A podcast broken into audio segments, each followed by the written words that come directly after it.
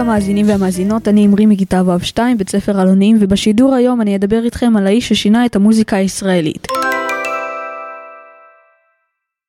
בעבר היה חלק מהלהקות הגדולות בארץ, כמו כוורת, דודה וגזוז, כתב, הלחין והפיק שירים, ולאחרונה חגג 55 שנות יצירה.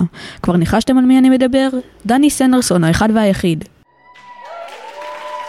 דני נולד ב-30 בנובמבר 1950, ובגיל תשע, שראה את דוד שלו מנגן בגיטרה, זה קסם לו, ובעקבות למד לנגן בגיטרה בעצמו.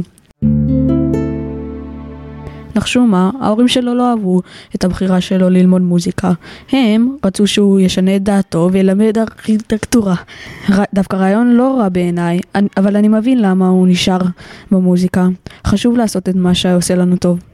אחרי שהשתחרר מהצבא, התחיל דני קריירת זמר יחיד, והוציא סינגל שאותו כתב, הלחין ואיבד באנגלית. בסוף 1972 הקים את להקת כוורת, שהייתה להקה, להקת הרוק הישראלית הראשונה שזכתה להצלחה ונחשבת לאחת מהלהקות החשובות והמשפיעות ברוק הישראלי.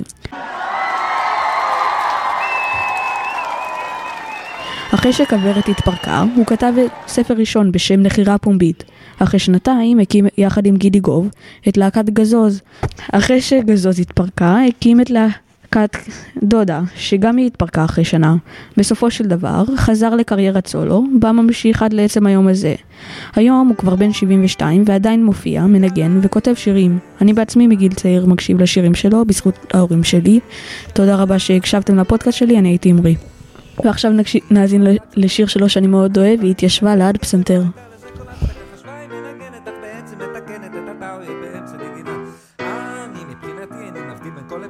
כל הנוכחים אמרו שזה נשמע כל כך היום מנגנת